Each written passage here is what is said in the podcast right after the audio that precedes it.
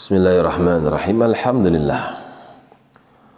Ussalli wa usallim ala Rasulillah wa ala alihi wa ashabihi wa man wala. Wa ba'd. Masih di dalam surat Muhammad sallallahu alaihi wasallam sampai pada firman Allah, "Innal ladzina kafaru" sesungguhnya mereka orang-orang yang ingkar. Wasaddu an sabilillah dan mereka memalingkan manusia dari jalan Allah. Kafir dan mengajak orang lain untuk kafir kepada Allah. Thumma kemudian setelah itu dia mati. Wahum kuffar. Dalam keadaan dia mati kafir. Mati dalam keadaan tidak beriman. Mati dalam keadaan belum bertobat fala yaghfirallahu lahum. Maka sungguh Allah sekali-kali tidak akan memberikan ampunan bagi mereka. Seandainya mereka kafir memalingkan manusia dari jalan Allah kemudian mereka bertobat maka keislamannya akan menggugurkan dosa-dosa yang telah berlalu. Rahmat Allah itu luas. Akan tapi siapa yang kafir dan mengajak manusia untuk kafir kepada Allah dan dia mati di atasnya maka tidak ada ampunan bagi orang tersebut. Fala tahinu. Wahai kaum muslimin janganlah kalian merasa hina. Janganlah kalian merasa lemah. Wa tad'u ila salam. Kalian ajak manusia kepada salam perdamaian.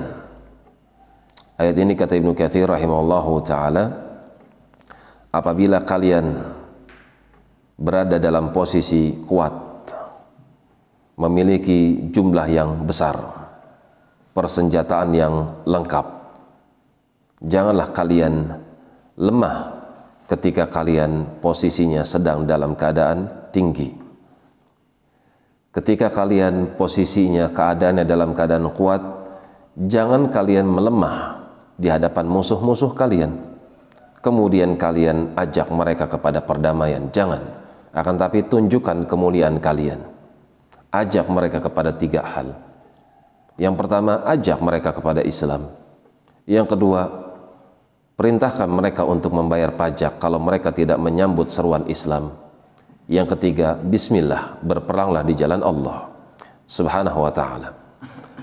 Akan tetapi apabila imam memandang bahwasanya kaum muslimin dari segi jumlah kalah, dari segi persatuan juga masih morat-marit kalah, dari segi berbagai macam sudut strategi peperangan pun lemah, maka boleh bagi mereka untuk mengalah kepada mereka orang kafir dalam artian perjanjian damai seperti yang dilakukan oleh Nabi Shallallahu Alaihi Wasallam ketika peristiwa Hudaybiyah. Ketika itu kaum muslimin tidak memiliki kekuatan, ketika Nabi dipalingkan tidak diizinkan untuk masuk ke Mekah pada waktu itu, maka beliau pun mengalah untuk ikut perjanjian Hudaybiyah, gencatan senjata. Wa antumul a'laun. Kalian adalah orang-orang yang mulia, orang-orang yang memiliki derajat yang agung, tinggi di sisi Allah Subhanahu wa taala. Karena itu jangan merasa lemah menjadi seorang muslim Jangan merasa minder jadi seorang muslim. Wa antumul a'laun. Kalian itu mulia, kalian itu tinggi derajatnya. Wallahu ma'akum. Allah bersama kalian. Kalimat wallahu ma'akum Allah bersama kalian ini menunjukkan bahwasanya Allah senantiasa akan memberikan bantuan kepada kalian walayatirakum a'malakum dan sekali-kali Allah tidak akan menyia-nyiakan amalan yang sudah kalian kerjakan. Setiap perbuatan baik yang kalian lakukan pasti akan ada perhitungannya. Pasti Allah akan membalasnya dengan sebaik-baik balasan. Antumul a'laun. Karena itu jangan lena, jangan lemah. Jangan merasa minder, jangan merasa hina. Kalian adalah orang-orang yang mulia.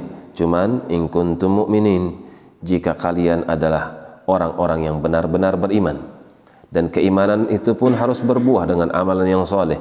Walillahil izzatu jami'a ilaihi yas'adul kalimut tayyib wal amalus salih yarfa'u ucapkan ucapan yang baik amalkan amalan yang saleh.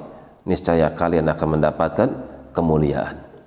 Demikian wallahu taala a'lam bissawab. Subhanakallahumma wa bihamdik.